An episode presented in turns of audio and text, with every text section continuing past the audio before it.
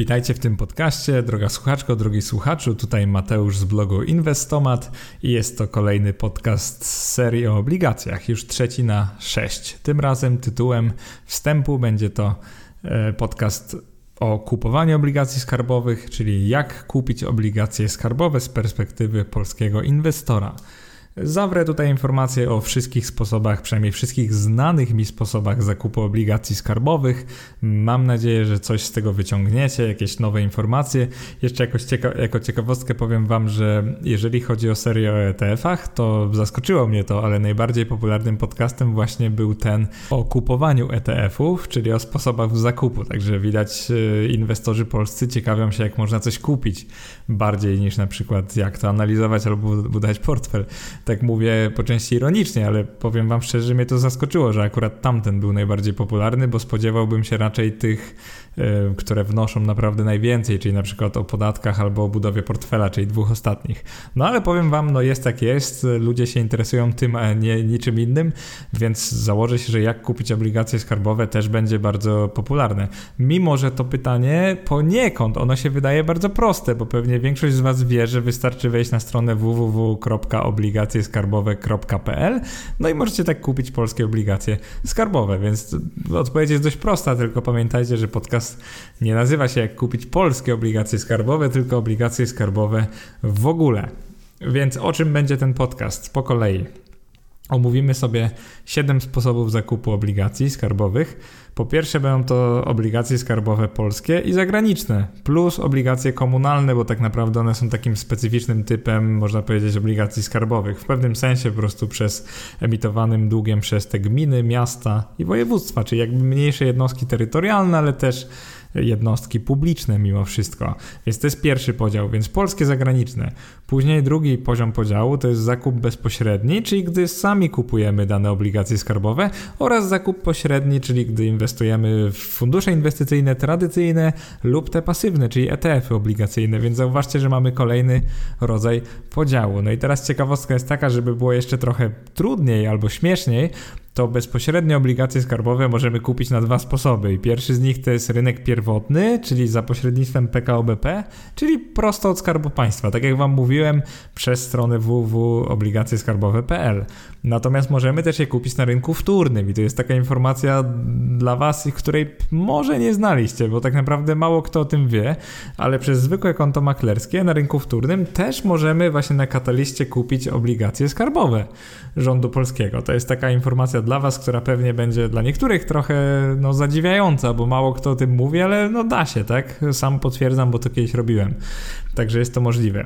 Czyli mamy 7 możliwości, a nie tylko jedną, tak jak niektórzy z Was mogli myśleć, zanim zaczynaliście słuchać tego podcastu. No i widzicie, już jest trzecia minuta, już się, mam nadzieję, dowiedzieliście czegoś nowego.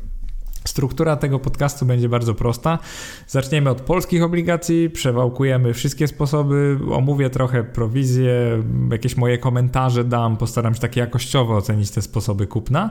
No i później przejdziemy do zagranicznych obligacji skarbowych. No i tak samo, po kolei przemielimy wszystkie sposoby, omówię Wam dlaczego moim zdaniem warto lub nie warto, no i na końcu pomówimy o obligacjach komunalnych, także jak je kupić, jeżeli się w ogóle da. No i sama końcóweczka, takie podsumowanie podcastu to będzie, który wariant zakupu obligacji skarbowych jest najlepszy, najtańszy i tak dalej, i tak dalej. Czyli po prostu, e, żebyś ty, droga słuchaczko, drogi słuchaczu, żebyście wy mogli wybrać taki optymalny wariant dla was. To jest jakby najważniejsze w tym podcaście. Myślę, że będzie ciekawie, nie powinno być bardzo długo, tak jak każdy na razie podcast po, po obligacjach. Myślę, że zmieścimy się w tych 40 minutach. Wątpię, że to wyjdzie poza te ramy. No to zaczynamy. Przede wszystkim jesteśmy w obligacjach skarbowych, w polskich obligacjach skarbowych. No i omówmy sobie zakup bezpośredni. To jest dla takich osób, które no, są już na tyle pewne siebie, żeby kupować bezpośrednio. Od razu Wam mówię, że to jest sposób preferowany dla polskich obligacji i zaraz zrozumiecie dlaczego. Natomiast podstawą mojego bloga i podcastu jest to, że zawsze Wam opisuję wszelkie możliwości i tak naprawdę to Wy wybieracie. Nie ma tu tak, że ja Wam coś narzucam i nie mówię o innych rzeczach, także opowiem Wam też o możliwościach inwestowania przez fundusze natomiast y, postaram się to tak zrobić, żebyście rozumieli, z czym to się wiąże, nie tylko, że jest taka możliwość i po prostu lećcie i kupujcie. Y, więc jak zawsze postaram się być jak najbardziej merytoryczny. Czyli tak, na rynku pierwotnym, czyli mamy zakup bezpośredni polskich obligacji. Na rynku pierwotnym możemy to zrobić bardzo łatwo przez właśnie stronę obligacjeskarbowe.pl. Działa to tak, że wchodzicie tam, sprawdzacie, jakie są obecnie serie obligacji, jakie są emisje, kalkulujecie sobie mniej więcej, jaką będziecie mieli stopę zwrotu, przez ile lat, przykładowo, czy inflacyjne Wam się bardziej teraz opłacają niż te takie indeksowane na przykład stopą procentową albo stałoprocentowe. Robicie sobie pewne obliczenia w jakimś tam Excelku, na przykład decydujecie się powiedzmy na te inflacyjne, no i składacie zlecenie zakupu. Działa to dość prosto, bo po prostu rejestrujecie się na, na tej stronie, to jest tak, taki jakby mini rachunek maklerski właśnie na obligacje skarbowe.pl. E, tym zarządza PKO BP, także największy polski bank. No i działa to bardzo prosto. Rejestrujecie się tam, dokonujecie zakupu, tam się robi przelew, macie kilka dni na ten przelew. No i macie taki rejestr, rachunek rejestrowy, kolejny z takim rejestrem, gdzie jest napisane, jakie macie emisje, ile one wypłaciły odsetek. Odsetki przychodzą na to konto, które macie powiązane z rachunkiem, czyli to konto zewnętrzne w banku zewnętrznym, na przykład w banku, jeżeli macie konto w banku. No i te odsetki przychodzą już pomniejszone o podatek, podatek belki, czyli to są odsetki netto, czyli tam 81% tego, co państwo obiecało wam oddać, no bo oczywiście jak wszystko jest opodatkowane w naszym kochanym kraju. Czyli to jest najpopularniejsza opcja, bardzo łatwa i tak naprawdę, no, co wam mogę powiedzieć, najbardziej popularna. Jeżeli inwestor właśnie taki indywidualny jak ja czy ty decyduje się na inwestowanie w obligacje skarbowe tego rządu polskiego, no to robi to raczej w ten sposób. Teraz Wam też opowiem o drugiej opcji, czyli przez IKE, a dokładniej przez Super IKE w PKO. Zacznę od tego, że dostaję całkiem sporo pytań o Super IKE, czyli wiele z Was jest zainteresowanych tym rodzajem konta. I oczywiście ma ono pewne plusy. I jednym z tych plusów jest to, że SuperIKE jest tak naprawdę zwykłym rachunkiem maklerskim w PKO BP. Czyli jeżeli chcecie mieć maklerskie IKE, tak jak na przykład ja mam w banku, to możecie mieć super IKE w PKO i ten rachunek maklerski jest y, w pewnym sensie specjalny, bo oferuje Wam możliwość inwestowania w polskie papiery skarbowe, czyli w polskie obligacje polskiego rządu. Czyli to jest o tyle fajne, że możecie sobie na rynku pierwotnym przez takie zwykłe konto maklerskie kupować kolejne emisje obligacji skarbowych, czyli to jest jednak jakiś plus, czyli jeżeli jesteście tymi inwestorami powiedzmy skrajnie bezpiecznymi, jeżeli macie bardzo taki defensywny profil ryzyka, no to możecie powiedzieć, no to jest całkiem fajny rodzaj IKE, bo, no bo na dłuższą dłuższą metę wyjdzie wam lepiej niż na przykład Ike Lokata.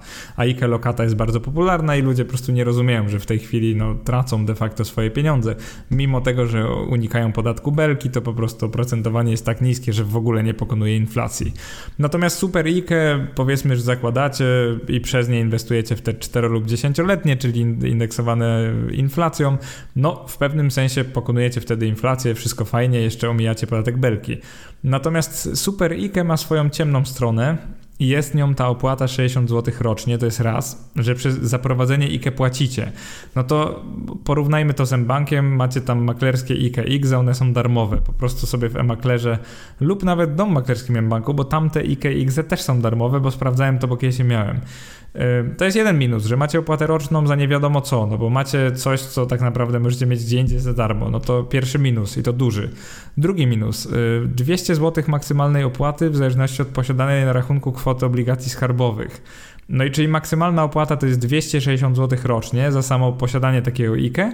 No i wystarczy, że macie równowartość 200 tysięcy złotych w skarbówkach lub więcej. No oczywiście no, może, można polemizować, bo musicie mieć IKE przez wiele lat otwarte, żeby mieć aż tyle pieniędzy na, w obligacjach skarbowych tam. Co nie zmienia faktu, że jak będziecie tam mieli już te 200 tysięcy po tych kilkunastu latach inwestowania w same obligacje skarbowe, no to nagle zaczynacie płacić 260 zł rocznie za samo posiadanie tych obligacji. Więc no ciężka sprawa, no to konto jest trochę drogie, szczerze mówiąc. To jest jeden problem, jaki z nim mam. Drugi pro problem to jest taki, że Super IKE pobiera od Was prowizję za zakup obligacji. Jest to 0,2% wartości zlecenia, ale nie mniej niż 5 zł. No, oznacza to, że jeżeli kupujecie obligacje za 2000 zł, to jest ok, to płacicie piątkę.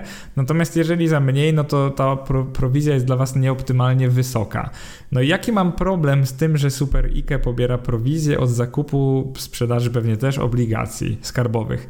No taki, że zauważcie, że jeżeli kupujecie, sprzedajecie obligacje skarbowe na zwykłym koncie, takim, tak jak mówiłem wcześniej, nie na Superikę, tylko na tym rachunku depozytowym w PKO BP, to nie płacicie prowizji, po prostu ten zakup jest za darmo. No i to też mam dość mocno potwierdzone.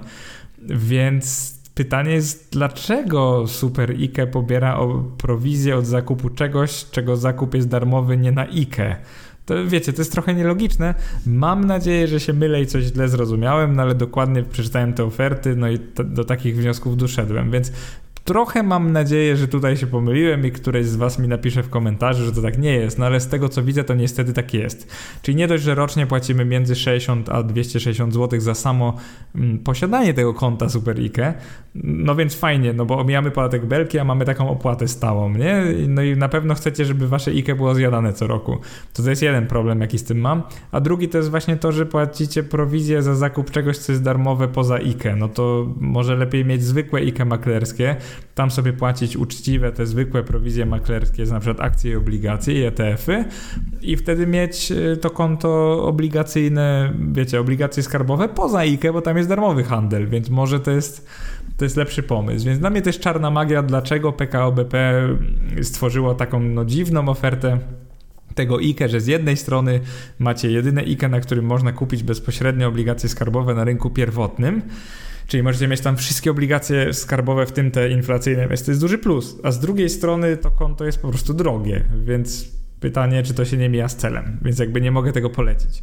Drugą opcją takiego bezpośredniego zakupu obligacji skarbowych polskich jest rynek wtórny. I tak jak Wam już kilkukrotnie mówiłem, na praktycznie każdym koncie maklerskim możecie kupić różne obligacje. To są głównie obligacje korporacyjne, ich tych emisji jest naprawdę mnóstwo i w przyszłej części podcastu będę mówił głównie o tym.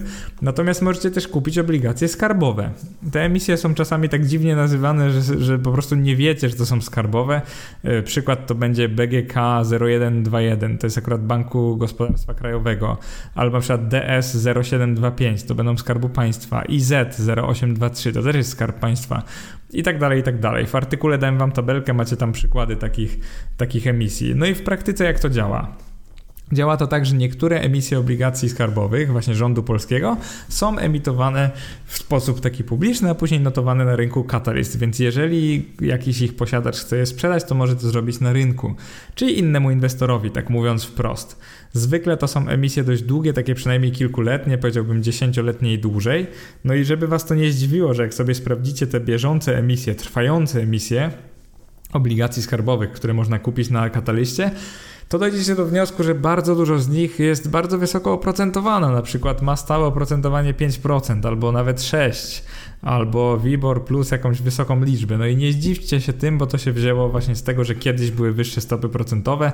To jest ta pozostałość po starych czasach i po prostu jakby ktoś chciał sprzedawać wam te obligacje, to będą odpowiednio droższe.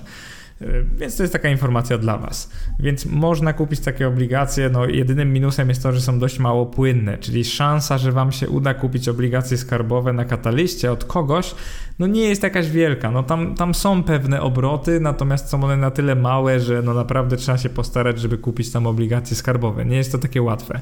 No ale dla chętnych wejdźcie sobie w artykuł inwestomat.eu ten artykuł się nazywa Jak kupić obligacje skarbowe, przypominam. I po prostu zobaczcie sobie tą tabelkę, bo to może być dla Was ciekawe, że w ogóle są takie obligacje na rynku wtórnym i mając zwykłe konto maklerskie możecie je kupić. I teraz tak, jeżeli chodzi o handel obligacjami właśnie na rynku wtórnym, czyli z tej drugiej ręki, to oczywiście mamy tu prowizję maklerską, no bo skoro płacimy prowizję maklerską za akcje, za ETF-y, za obrót nimi, no to dlaczego mielibyśmy nie płacić za obligacje, prawda? Jak można coś wziąć pieniądze, to czemu za to nie brać? To teraz wam tam dam takie krótkie podsumowanko. We wpisie akurat wkleiłem wszystkie domy maklerskie, które udało mi się sprawdzić. Natomiast jeżeli chodzi o prowizję, to jest to spra sprawa wygląda dwojako. Przy małych kwotach najbardziej się opłaca inwestować przez Alior Bank, przez ING, przez BPS oraz przez mBank, bo tam wychodzi wam 3 zł. I teraz przy wyższych kwotach trochę, to się trochę zmienia, bo przy wyższych kwotach, czyli na przykład zakupie za 5000 zł, najbardziej się opłaca PKO, ale to PKO SA, czyli to z żubrem, ta długa nazwa, tam wychodzi 5,9 zł, bo procentowo mają bardzo niską prowizję, to jest 0,1% dla obligacji. No i w bank, w domu maklerskim BPS też się bardzo opłaca, oni mają 0,13% i minimum 3 zł. Czyli przy zakupie za 5000 zł zapłacicie 6,5 zł.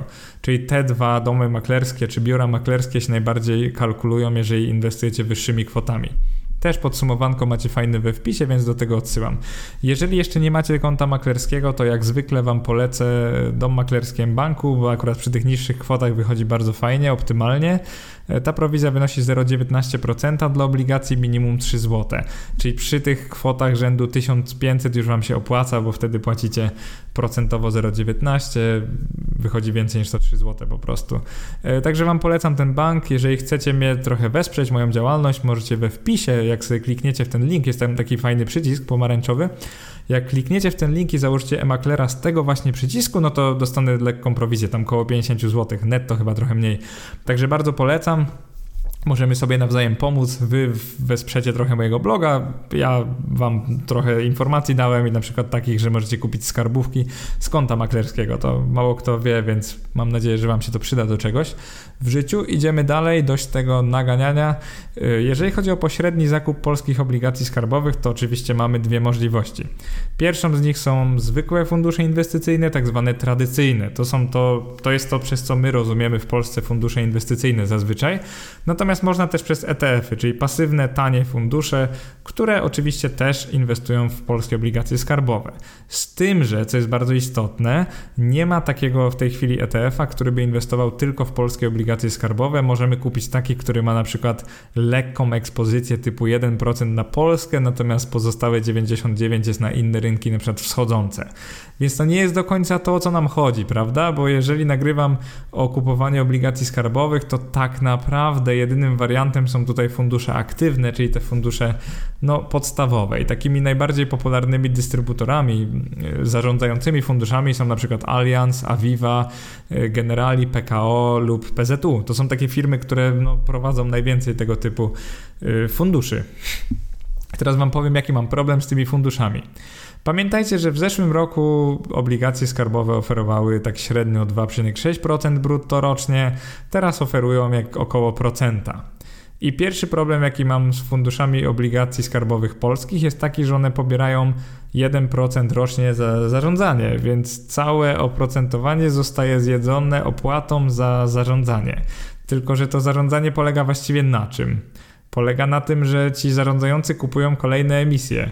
I teraz pytanie do Was brzmi, czy naprawdę kupowanie kolejnych emisji no, samemu przez tą stronę, na przykład obligacje skarbowe.pl jest takie trudne albo niemożliwe, żebyście chcieli powierzać Wasze pieniądze komuś, kto pobiera takie opłaty.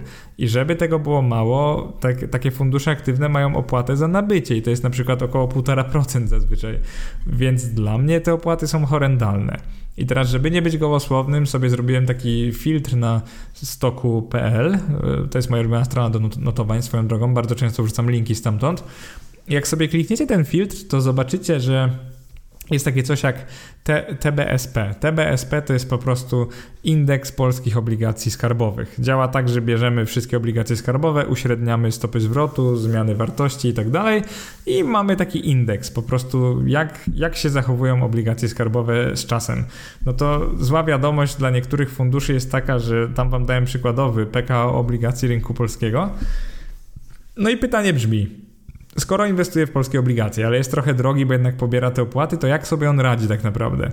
No i dam wam przykład, że on odjechał od y, tego indeksu polskich obligacji o 3 punkty procentowe w ciągu 5 miesięcy, czyli Jakbyśmy 5 miesięcy temu kupili ten indeks polskich obligacji, byśmy teraz skończyli 5% na plusie. Jakbyśmy kupili ten fundusz obligacji polskich, byśmy skończyli 2% na plusie. I najlepsze jest to, że ten fundusz, ten indeks jest podany dla funduszy jako oficjalny benchmark, czyli ten fundusz próbuje za tym nadążyć, natomiast radzi sobie tak no trochę ociężale. I też, żeby nie być gołosłownym, we wpisie umieściłem porównanie TBSP z innymi firmami, z innymi funduszami, np. Allianz Polskich Obligacji Skarbowych. No i porównanie no, też wychodzi dość blado, bo E, Fundusz Polskich Obligacji w ciągu trzech pełnych lat, od tej daty, kiedy to nagrywam, wzrósł o 16%, dokładnie 16%. Natomiast ten, e, ten fundusz, o którym mówiłem, o 10%. No to jedziemy dalej, może Allianz sobie źle radzi. A Viva Obligacji, no i znowu mamy 16% wobec około 9%. No to o co tu chodzi? No i jedziemy dalej. Mamy TBSP versus Santander Prestige obligacji skarbowych. No brzmi dobrze, Prestige w końcu. No i sprawdzamy wyniki. Nie wiem, czy to opłaty, czy co, no ale tak samo. Indeks 16%, fundusz niecałe 12%. To akurat mogą być roczne opłaty, bo to tak trochę wygląda, jak sobie spojrzycie na różnicę w wykresach, tak jakby oni odcinali po prostu opłaty w pewnym momencie. I teraz pytanie brzmi, dla kogo tak naprawdę są wtedy fundusze aktywne polskich obligacji skarbowych? Tak naprawdę po co je kupować, skoro no, obiektywnie można dowieść empirycznie, że radzą sobie gorzej niż po prostu jak się kupi obligacje i to jakiekolwiek. Więc pytanie do Was brzmi, po co je kupować? No i teraz człowiek bardzo chciałby mieć ETF-y na takie obligacje, bo myśli sobie, no pewnie ETF-y są tańsze, będą kosztować jakąś jedną dziesiątą procenta rocznie, to może po prostu kupię ETF na polskie obligacje skarbowe. No i tu jest dużo pola do popisu dla beta ETF, czyli tego operatora, tego, wiecie, zarządzającego funduszami polskich y, ETF-ów, polskimi funduszami ETF w tej chwili, głównie akcyjnymi. E, niestety nie ma jeszcze takiego ETF-a na polskie obligacje skarbowe, ale myślę, że jest tu dużo przestrzeni i spokojnie mógłby taki ETF być, bo to nie jest jakaś robota skomplikowana. A jakby te koszta roczne były o wiele niższe niż zwykłych funduszy, to myślę, że by było wielu zainteresowanych na taki ETF, bo nie rozumiem, dlaczego miałoby nie być szczerze mówiąc. Więc no, dla Was mam taką informację, że ETF-ów na to nie ma, natomiast możecie sobie znaleźć na przykład iShares. Jest taki fundusz ETF jak JP Morgan, e, Dollar Emerging Markets Bond UCITS ETF, tak się nazywa pełna nazwa trochę zakręciłem, ale we wpisie macie jego skład, no i polskich obligacji skarbowych jest tam jak na lekarstwo, bo chyba 1,1%. Czyli jeżeli naprawdę jesteście za polskimi skarbówkami i chcecie pożyczyć pieniądze państwu polskiemu, no to nie jest to najlepszy sposób, bo tam prawie nie ma polskich obligacji, więc to jest ten taki minus inwestowania przez te międzynarodowe duże ETF-y, które po prostu agregują różne obligacje skarbowe. Tak jakby Polska wobec na przykład Chin, Tajwanu i tak dalej jest tak mała, że po prostu no, nie istniejemy przy tych innych państwach emerging markets, więc to jest w miarę logiczne. Niestety. Jeżeli w tej chwili wyczerpaliśmy temat polskich obligacji skarbowych, to myślę, że warto pomówić o obligacjach skarbowych zagranicznych. I teraz mowa tu o po prostu różnych krajach. To będzie Turcja, to będzie Korea, Argentyna, Filipiny, nasi sąsiedzi, Niemcy, Francja i tak dalej, Czechy. Po prostu jeżeli chcecie zainwestować w obligacje skarbowe innego kraju, no to pierwsza informacja dla Was jest taka, że się da. No i myślę, że to już może pomóc niektórym osobom, bo y, w Polsce rzadko kiedy się mówi o tym, że w ogóle da się inwestować w zagraniczne skarbówki, więc zacznijmy od bezpośredniego zakupu takich zagranicznych obligacji skarbowych. Kontaktowałem się z wieloma domami maklerskimi, od razu mówię, że nie wszystkimi, ale chyba z sześcioma takimi najbardziej mi znanymi.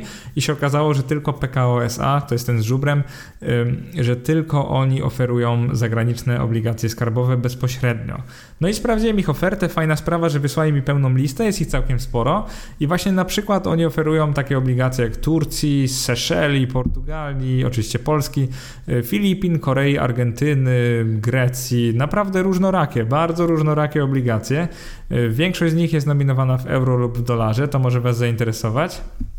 I teraz działa to tak, że po prostu rządy tamtych y, krajów emitują obligacje i wy jako inwestorzy z, no nie z tamtego kraju możecie je kupić przez taki polski rachunek maklerski.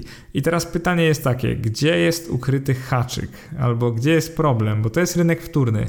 Problem jest w tym, że te prowizje w PKO są tak wysokie, że żeby ich nie przepłacić, musicie inwestować kwotami rzędu 100 tysięcy złotych na jedną transakcję.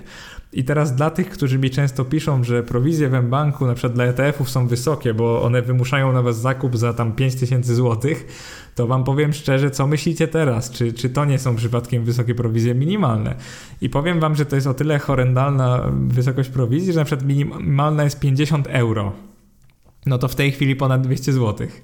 Y, no i ona jest mała, jeżeli chodzi o procentowość, bo to jest 0,29%, czyli to jest tak pomiędzy polskimi obligacjami, a polskimi akcjami. Czyli to nie jest jakaś, wiecie, szalona prowizja, natomiast minimalne jest 50 euro. No to mamy taki problem, że wyobraźcie sobie teraz inwestora, który chce y, pożyczyć pieniądze Korei, nie wiem, na przykład 5000 złotych. No to raczej nie sądzę, że taka osoba pożyczy 5000 złotych, płacąc za to prowizję od razu 200 złotych, no bo policzcie sobie i, tracicie całe oprocentowanie y, z dwóch czy iluś lat na tą prowizję, także jest trochę szalona. No, z drugiej strony ci z was, którzy dysponują dysponują bardzo dużymi środkami i naprawdę chcą inwestować właśnie 100 tysięcy w jakieś obligacje, przykład Turcji, no to tak naprawdę to jest dla nich jedyna możliwość, więc y, powiem wam szczerze, że to Zależy jak na to patrzeć, no bardzo zamożni ludzie, którzy chcą mieć obligacje innych krajów, no to całkiem fajnie, że mają taką możliwość. Natomiast mniejsi, tacy bardziej drobni inwestorzy, powiedziałbym tacy jak my, e, którzy pewnie na jedną serię obligacji nie chcą przeznaczać 100 tysięcy złotych, mm, powiem szczerze, że no, to nie jest najlepsza opcja, po prostu to jest za drogie. No ale taka opcja jest, więc zapamiętajcie PKOSA. E, pełną ofertę macie link do listy takiego PDF-u na moim blogu, także możecie sobie zobaczyć. Oni też oferują obligacje korporacyjne, zagraniczne, także to, to będzie akurat w następnym podcaście. No ale to jest dość ważna informacja, że jest polskie biuro maklerskie, które oferuje takie fajne instrumenty. To jest jakiś plus. No i mam nadzieję, że w ślad za nim pójdą inne domy maklerskie i mam nadzieję, że wtedy będą musieli obniżyć prowizję, bo istnieje coś takiego jak konkurencja i wtedy jest presja cenowa i to jest dobre dla nas, konsumentów. W tym przypadku inwestorów akurat, ale konsumentów ich usług. No dobrze, więc jeżeli nie polskie biuro maklerskie, to co? No to oczywiście przypominam, jak było w przypadku ETF-ów, zagraniczny broker. Jeżeli mówimy o zagranicznych instrumentach finansowych, takich jak zagraniczny dług, no to oczywiście część zagranicznych brokerów oferuje też obligacje. Powiem szczerze, że może one nie są jakieś najbardziej popularne w ich ofertach, ale takie, tacy brokerzy jak Div Broker, De, Giro, Exante albo Links Broker, wszyscy mają ofertę obligacji skarbowych. Teraz, jeżeli chodzi o opłaty i szerokość oferty, to z tego co widziałem, Div Broker ma chyba najszerszą. Natomiast jeżeli chodzi o opłaty, to oczywiście zależy od jakich kwot liczymy. Y, dość dobrze wychodzi tutaj Links. Mm, Exante wychodzi gorzej, bo jest bardzo duża prowizja minimalna. E, DeGiro ma taką dość niską prowizję, ale ona jest liczona w specyficzny sposób, także nie opłaca się małymi kwotami za bardzo inwestować. No i Div Broker ma opłatę brokerską i procentowo i minimalnie trochę wyższą niż Lynx, także z mojej analizy wyszło, że Lynx tak dość wyróżnia się pozytywnie na tle innych brokerów. Minus jest taki, że Lynx nie upublicznia swojej oferty i też powiem szczerze, jak na nich napisałem, to przez ileś tam dni nie dostałem odpowiedzi. E, oczywiście może napisałem na złego maila, więc jakby nie chcę za to krytykować, bo czasami ciężko jest znaleźć. Jak się nie jest klientem, czasami nie jest tak łatwo się skontaktować z jakimś e, brokerem, e, ale powiem wam szczerze, no, duży minus za to, że nie mogłem w internecie znaleźć. Naprawdę szukałem informacji jakoś tak, no, no nie bardzo na nie trafiłem. Było łatwiej w przypadku innych brokerów. Natomiast te prowizje mają no, najniższe procentowo, więc to trochę tak wygląda, że jeżeli już naprawdę musicie kupić obligacje skarbu państwa, ale zagranicznych krajów, czyli innych krajów niż Polska, no to najtaniej wam wyjdzie właśnie zagraniczne konto brokerskie. Tylko oczywiście pamiętajcie wtedy o obowiązku podatkowym. Robi się to analogicznie jak w przypadku ETF-ów. Za każdym razem, jak dostaniecie odsetki, to po prostu musicie je rozliczyć w zeznaniu rocznym w PIT 38, tak samo jak y, patrzcie po prostu część piąta o ETF-ach, bo to jest bardzo podobne. Właściwie rozliczacie to tak samo. Przewalutowujecie i rozliczacie. Więc to jest taka sprawa.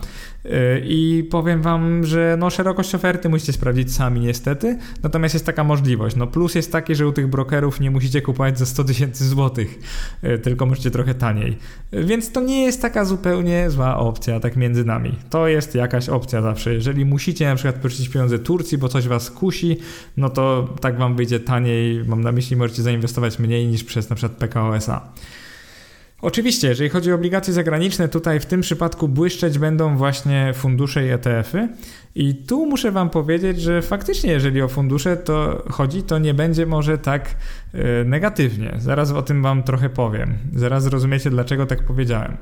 Yy, fundusze aktywne kojarzą nam się z tym, że są przede wszystkim drogie drogie, toporne, nie są notowane na giełdzie, więc ciężko się je kupuje. E, są gdzieś tam obok notowane, więc będziecie widzieć w interfejsie banku gdzieś indziej niż u maklera, więc to nie jest nic takiego super dla inwestorów, którzy już inwestują bezpośrednio w akcje lub obligacje. Więc to jest pewien minus. I teraz zaznaczam jedną rzecz, że jest bardzo dużo funduszy, takich aktywnych polskich funduszy, które inwestują w zagraniczne instrumenty dłużne. Jest ich naprawdę sporo. Konstrukcją przypominają ETF-y, bo też inwestują w skarbówki różnych krajów, Natomiast minus jest taki, że pamiętajcie, że one raczej nie mają zabezpieczenia walutowego, więc co z tego, że są notowane w złotówkach, na przykład jednostka funduszu kosztuje 100 zł, jak ona inwestuje w dług zagraniczny, najczęściej w euro i w dolarze, no ale też w walutach lokalnych.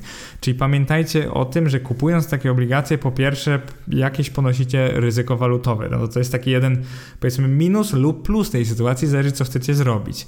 Jeżeli i tak chcecie inwestować w dług zagraniczny, no to znaczy to, że podjęliście decyzję, że chcecie mieć ryzyko walutowe, dochodowe lub ekspozycja przed na dolara, więc oczywiście nie krytykuję tej opcji, no bo oczywiście jest to lepsze niż trzymanie samego czystego dolara. Po prostu macie dolara, tylko jest oprocentowany, więc why not, jak to mówią. Więc y, to jest jedna strona medalu. Jeżeli chodzi o drugą, no to jak zwykle są koszta funduszy. I teraz Wam powiem, że tutaj znalazłem akurat bardzo pochlebny przykład. Chodzi o fundusze INPZU, a dokładniej to jest fundusz INPZU obligacje rynków wschodzących i obligacje rynków rozwiniętych. I teraz jest naprawdę fajna, ciekawa rzecz, jeżeli chodzi o te fundusze. Teraz nawiążę mocno do drugiej części o ETF-ach, czyli właśnie jak kupić ETF. Ja tam mówiłem o tym, że fundusze INPZU to są takie tanie fundusze indeksowe. No i pamiętajcie, to nie są ETF-y, natomiast są o tyle fajne, że ich zakup no, małymi kwotami jest dość tani i one faktycznie rocznie nie mają takich wysokich kosztów. Tam jest, oscylują wokół 0,5%, jeżeli dobrze pamiętam.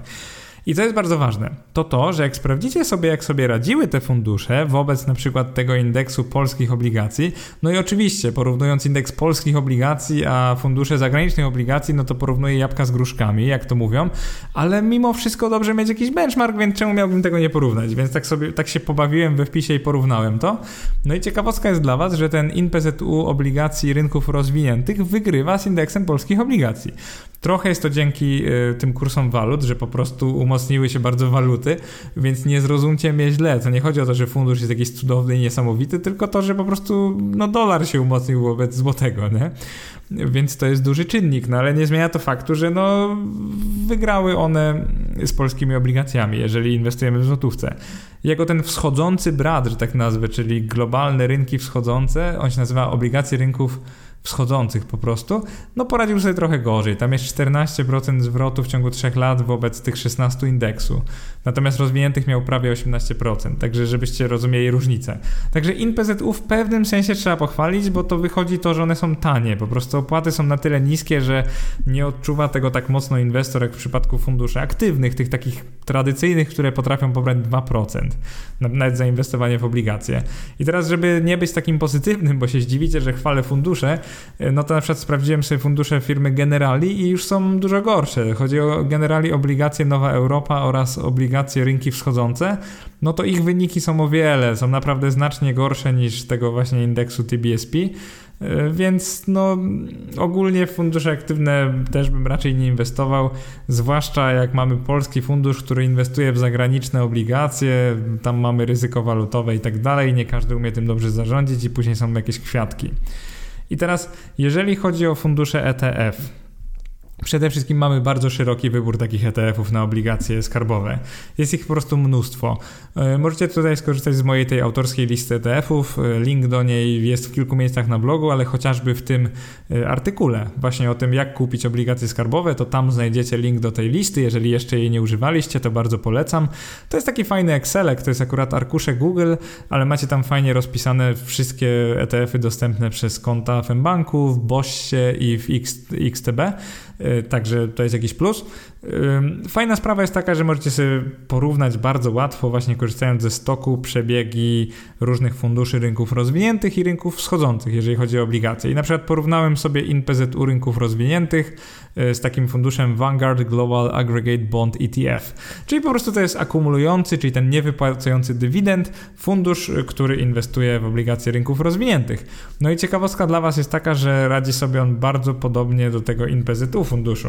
No i to jest świetna wiadomość, wiadomość dla osób, które są zainteresowane tanim inwestowaniem, a na przykład nie chcą kupować ETF-ów z tą prowizją, która się opłaca przy 5000 zł. Myślę, że jest to fajna alternatywa dla Was, no bo jakby empirycznie możecie zobaczyć, że InPZU radzi sobie podobnie do ETF-ów i też opłaty ma, no może trochę wyższe, ale, ale podobne. Więc jakby no należy mu się pewien plusik za to, bo jednak udowadnia, że nawet fundusze aktywne mogą być jakby na tyle tanie, na tyle skuteczne, że radzą sobie po prostu podobnie do ETF-ów. To jest naprawdę coś super. Jeżeli chodzi o rynki wschodzące, tutaj zrobiłem e, porównanie dwóch następujących funduszy. Jeżeli chodzi o ETF-y, czyli tanie fundusze pasywne, to wziąłem akurat iShares JP Morgan USD Emerging Markets Bond ETF i wziąłem to z funduszem inwestycyjnym INPZU obligacje rynków wschodzących, czyli ten właśnie wschodzący brat, jak ja to nazwałem wcześniej. No i w ciągu 3 lat ten wschodzący dał około 8%, natomiast ten ETF dał około 12%, także no jest różnica.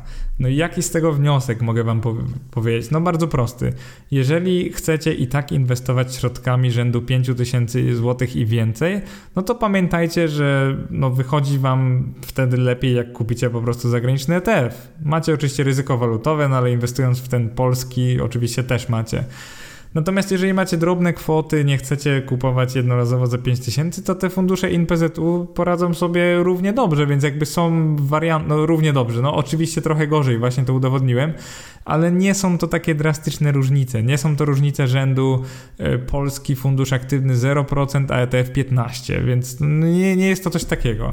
No i jedno przypomnienie, jeżeli chodzi no, już o podsumowanie kupowania funduszy na zagraniczne obligacje skarbowe, pamiętajcie o ryzyku walutowym, czyli jak ja to mówię, nigdy nie pakujcie całego kapitału w, w obcą walutę, no chyba, że zarabiacie i żyjecie za tą walutę, na przykład mieszkacie w Niemczech, zarabiacie w euro, no to oczywiście jakby wręcz powiedziałbym, że powinniście wtedy trzymać papiery wartościowe w euro, bo to jest waluta, za którą żyjecie. Więc zawsze sugeruję jednak większość przynajmniej inwestycji mieć w przypadku inwestora polskiego w złotówkach. Także nie zrozumcie mnie źle, nie, nie ładujcie wszystkich pieniędzy w to, bo po prostu będziecie ryzykować nie w swojej walucie, a tego też nie chcecie może za bardzo. Oczywiście są różne cykle walutowe, czasami dolar jest tani, czasami drogi. Niektórzy udają, że potrafią przewidzieć jaki będzie, inni udają, że wiedzą czy jest tani czy drogi, bo sobie historycznie patrzą. Prawda jest taka, że nikt nie wie jaki będzie drogi za parę lat i można tylko gdybać, więc jedyna taka rozsądna rada to jest po prostu nigdy nie trzymać za dużo kapitału w obcej walucie. Po prostu część można, żeby się zabezpieczyć przed inflacją na przykład, ale, ale nie za dużo. I teraz przechodzimy powoli do końca wpisu. Chciałem jeszcze krótko omówić obligacje komunalne, czyli jeżeli mamy skarbowe obligacje polskie, to mamy też komunalne. Na przykład Warszawa wyemitowała takie obligacje jak WAW 0922. One płacą aż 6,45% stałego oprocentowania. I teraz pomyślicie, wow, ale fajne obligacje. Tylko pamiętajcie, że one były wyemitowane w roku 2010, czyli wtedy, gdy stopy procentowe były o wiele wyższe niż dzisiaj. Także musicie zrozumieć, z czym to się je. Oczywiście bardzo bardzo ciężko jest nabyć takie obligacje i nawet jakby wam się udało, to by kosztowały 100 ileś procent, tak jak mówiłem w poprzedniej części, byłyby po prostu droższe niż, e, no wiecie, jak, jak wszystko teraz płaci 1%, a Warszawa 6,45, no to w oczywisty sposób będą one droższe niż inne takie papiery. E, jeden problem, i to taki bardzo duży problem obligacji komunalnych w Polsce jest taki, że na tym rynku wtórnym katalyst są one bardzo mało płynne, czyli po prostu bardzo trudno jest je zakupić kupić. Są, są ich tak niskie obroty, żebyście po prostu nie uwierzyli. Mm, dam wam przykład, że sprawdziłem obroty roczne kilku tam, kilkunastu emisji, zawarłem to we wpisie, one wynoszą dokładnie zero.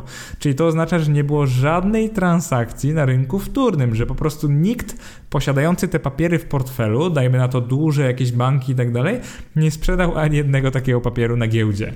No i tu macie chyba pięknie podsumowane, jak można inwestować w obligacje komunalne w Polsce to jest praktycznie niemożliwe. Jest to bardzo trudne, ich płynność jest taka niska, że no nie oszukujcie się, lepiej skupcie się po prostu na skarbowych. I teraz do sedna wpisu, czyli który wariant zakupu obligacji skarbowych jest według mnie najlepszy. To będzie dość proste.